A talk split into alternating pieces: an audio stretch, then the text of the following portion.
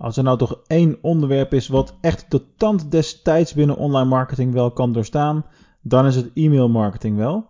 Nou, daar gaan we het vandaag zeker even over hebben. Dus ik ga je nu sturen naar de toch al in 2016 opgenomen podcast over e-mail marketing.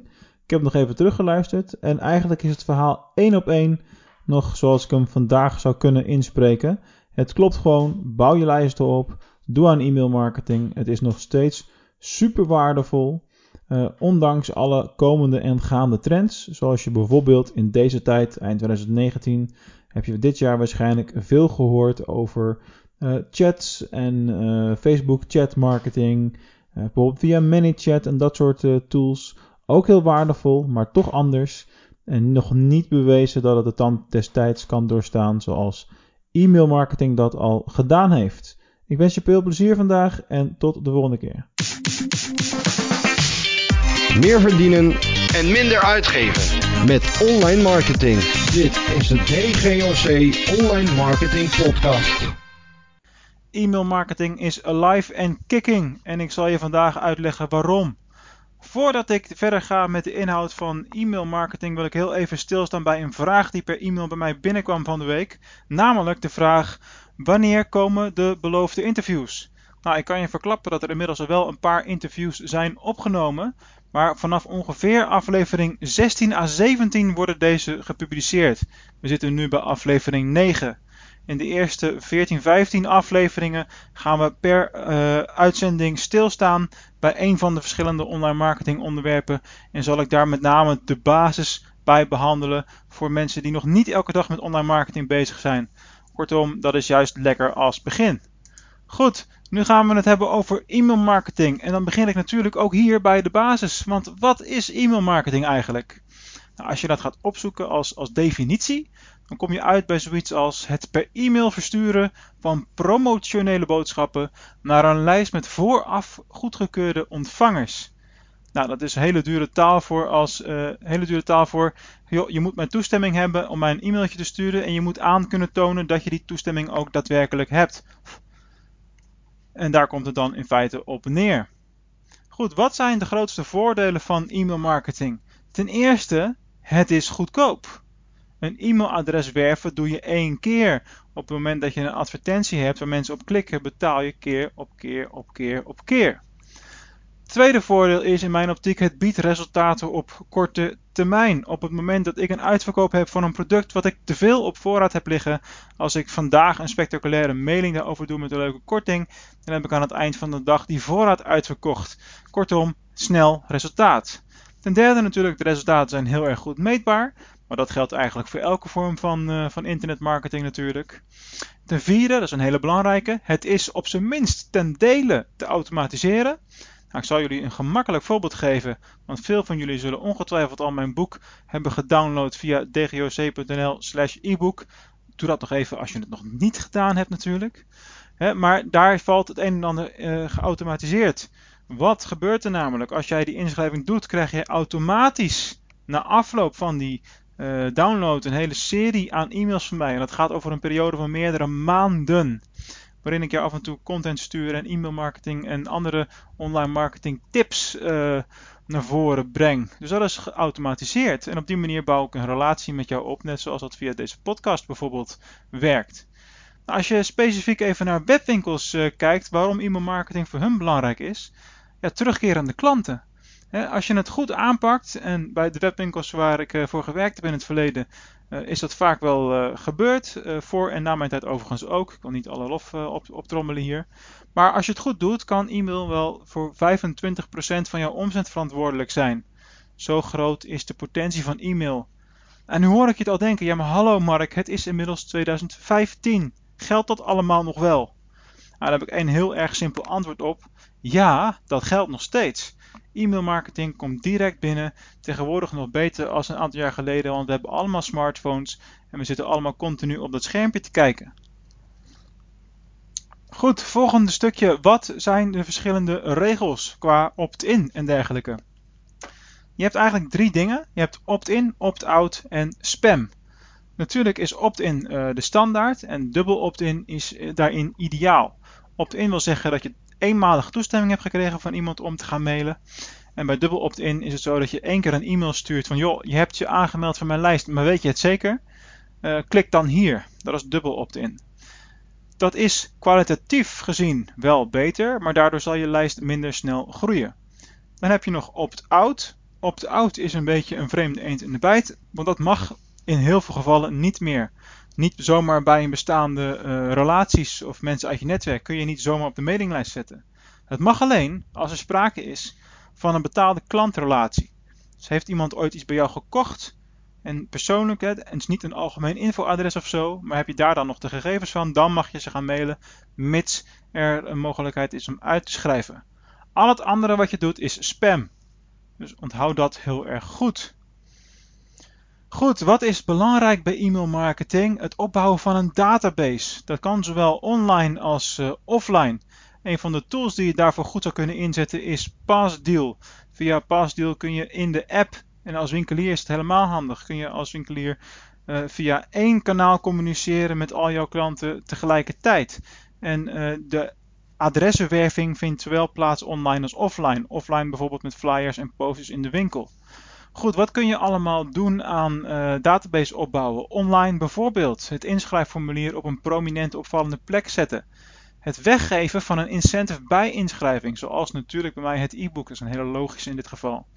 Ook zou je via enquêtes uh, adressen kunnen gaan, uh, gaan werven. Dat is wel een techniek die overigens wat minder vaak wordt gebruikt tegenwoordig. Dat is wel iets wat met name een aantal jaar geleden heel erg hot and happening was. Goed, wat kan er offline allemaal? Bijvoorbeeld de werving in de winkel. Nou, daar heb je die, die pasdeal tool dan voor in mijn optiek die zeer geschikt is. Maar ook op beurzen kun je natuurlijk heel goed uh, adressen werven. Uh, ik was de laatste keertje op de 9 maanden beurs en er was iemand die gaf een, ja, wat zal het geweest zijn, zo'n zo babydoekje gaf die weg van stof. en die kreeg je dan op het moment dat je je daar ter plaatse op de stand inschreef op de nieuwsbrief. En dat was dan één laptop en had er misschien beter vijf neer kunnen zetten, want er stond een hele lange rij.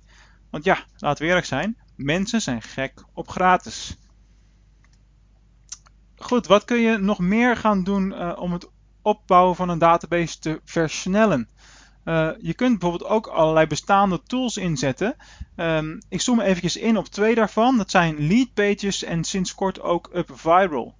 Nou, bij Leadpages uh, heb je de mogelijkheid om op een hele simpele manier je landingspagina's op te bouwen. Landingspagina, de pagina waar je mensen in eerste instantie naartoe stuurt en een hele makkelijke manier om een incentive weg te geven. De pagina's die wij zelf voor DGOC gebruiken zijn ook met leadpages gebouwd. Wil je daar eens wat meer informatie over hebben, neem dan uh, direct contact met mij op. Uh, sinds nou als op het moment dat deze aflevering live gaat, waarschijnlijk sinds een week of twee, maar nu sinds een paar dagen werk ik aanvullend op leadpages ook met UpViral. En dat is een systeem waarbij je het proces nog verder kunt automatiseren, waardoor je mensen die zich inschrijven ook uitnodigt en motiveert om andere mensen uh, naar jou toe te gaan sturen. Het voert voor deze uh, podcast-uitzending te ver om daar dieper op in te gaan, maar dat gaan we in de, uh, de toekomstige afleveringen uiteraard wel een keertje doen. Um, wat voor methodes uh, heb je dan op het moment dat je uh, database opbouwt via de eigen website? Buiten dat uh, prominente inschrijfformulier zou ik altijd even kijken naar zo'n opvallende pop-up. Nou, op het moment dat ik het woord pop-up gebruik, dan zal de helft van de mensen die nou aan het luisteren zijn, zal denken, oh nee, nee, nee, geen pop-up. Dat is agressief, dat vind ik niks, dat werkt niet. Ja, de praktijk is echter dat het wel werkt. Dus schrijf dat middel niet gelijk af. Tegenwoordig zijn pop-ups veel vriendelijker opgebouwd en veel minder uh, agressief. Dus kijk even wat je daarmee kan doen. Goed, dan wil ik nog eventjes met jullie stilstaan bij uh, de verschillende soorten e-mail marketing. Uh, ten eerste hebben we natuurlijk de standaard nieuwsbrief. Hè, dat is wat de meeste mensen doen. Periodiek, een algemeen aanbod, een, een, mailing over een product of een evenement of een dienst, kortingen, acties, allemaal dat soort dingen. Dus redelijk standaard spul. Dat is waar je mee begint. Maar pas daarna wordt het echt interessant. Dan ga je kijken naar de event-driven e-mailberichten. Nou, een event-driven e-mailbericht wil bijvoorbeeld zeggen uh, een bericht op basis van koopgedrag, op basis van verlanglijstjes, op basis van een klik in een eerdere mailing, op basis van een verlaten winkelwagen. En zo zijn er heel veel dingen te bedenken op basis waarvan je wel of niet een e-mail verstuurt. Ik zal een voorbeeldje geven. Er zijn mensen die hebben bijvoorbeeld succes met online marketing, de basiscursus online marketing bij mij gekocht. Um, die staan in mijn mailinglijst en die downloaden later het boek Succes met e-commerce als e-book. Nou, standaard in die cyclus zit ergens in de vijfde of de zesde mail een e-mail met een aanbod om die basiscursus te kopen. Dat is voor hun natuurlijk niet relevant. Dus ik heb daar een regel in de e-mail marketing software, dat is in mijn geval Copernica, ingesteld. Op het moment dat iemand die cursus al heeft, sla je die mail over. Nou, dat gaat heel erg ver wat ik nu zeg, maar tot op dat niveau kun je tegenwoordig wel uh, segmenteren. Goed, andere soorten van, van e-mail marketing die superbelangrijk zijn, zijn de automatische uh, responders, de autoresponders. Dus de e-mail marketing op uh, automatische piloot. Nou, dat is wat je ook bij mij krijgt als je het e-book hebt gedownload. Dan krijg je mail na mail na mail. En er zit een interval in van soms vijf of zeven dagen, soms wat langer, soms wat korter. Een beetje afhankelijk van, uh, van hoe de, de resultaten zijn die daaruit voortvloeien natuurlijk. Maar dat gaat dus geautomatiseerd. Goed, dan gaan we nog heel even kijken naar um, inhoud. En um, voor deze podcast, voor, voor mij voorstaat het om eventjes vast te stellen wat de beste manier is om een titel te bedenken. Want dat is eigenlijk alles wat belangrijk is om een e-mail geopend te krijgen. Kijk, je kunt een hele mooie nieuwsbrief uh, bedenken en uh, super opmaak gebruiken en verzin het allemaal maar. Maar als de titel niet in orde is, dan wordt het niet geopend en dan maakt de rest allemaal niet meer uit. Dus laten we nu even stilstaan bij de titel. Waar moet een titel aan voldoen? Ten eerste een duidelijke call to action. Altijd belangrijk. Een tweede, en dat hoef je niet altijd te gebruiken, stel een vraag. Prikkel de interesse. En simpelweg, met name als je database wat groter begint te worden, test met meerdere titels. Heb jij een database van 5000 adressen, bijvoorbeeld? Stuur dan uh, de eerste 1000 adressen in een split AB-test. Dus dat wil zeggen dat je 500 mensen een bepaalde titel stuurt, 500 mensen de andere titel en de winnaar, dus de beste open rate in dit geval, die verstuur je aan de rest van het bestand. Dus een voorbeeld in het lijn van uh, deze podcast zou kunnen zijn: hoe effectief is jouw e-mailmarketing? Dat is een vraag, dat is een call to action. Uh, en ik hoop daarmee de interesse te prikkelen, uiteraard. Goed, dat was het voor wat betreft uh, deze korte aflevering, introductie in e-mailmarketing. De laatste tip die ik in deze aflevering mee wil geven is: mail vaker. Dat klinkt heel tegenstrijdig natuurlijk. Maar in de praktijk is het gewoon zo dat er veel te voorzichtig wordt omgegaan met e-mailbestanden en dat er vaak heel veel omzet blijft liggen. Dus een hogere frequentie zorgt ook voor wat meer top of mind bij jouw klanten. Ze kunnen jou niet vergeten en uh, ja, blijf daarmee testen met hoe vaak kan je mailen, wanneer wel vaker, wanneer juist niet. En zorg daarvoor de beste balans.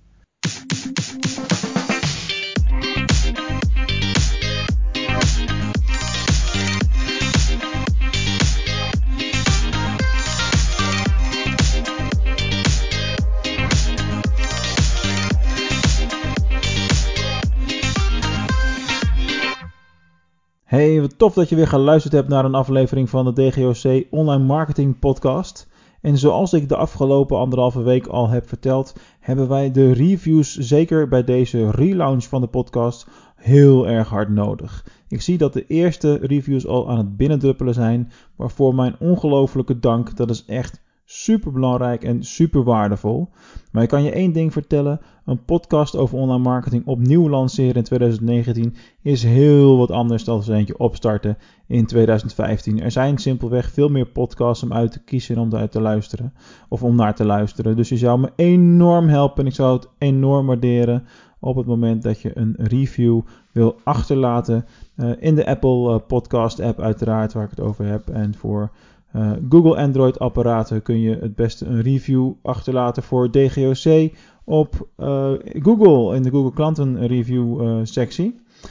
in ieder geval hartelijk bedankt nogmaals en tot de volgende.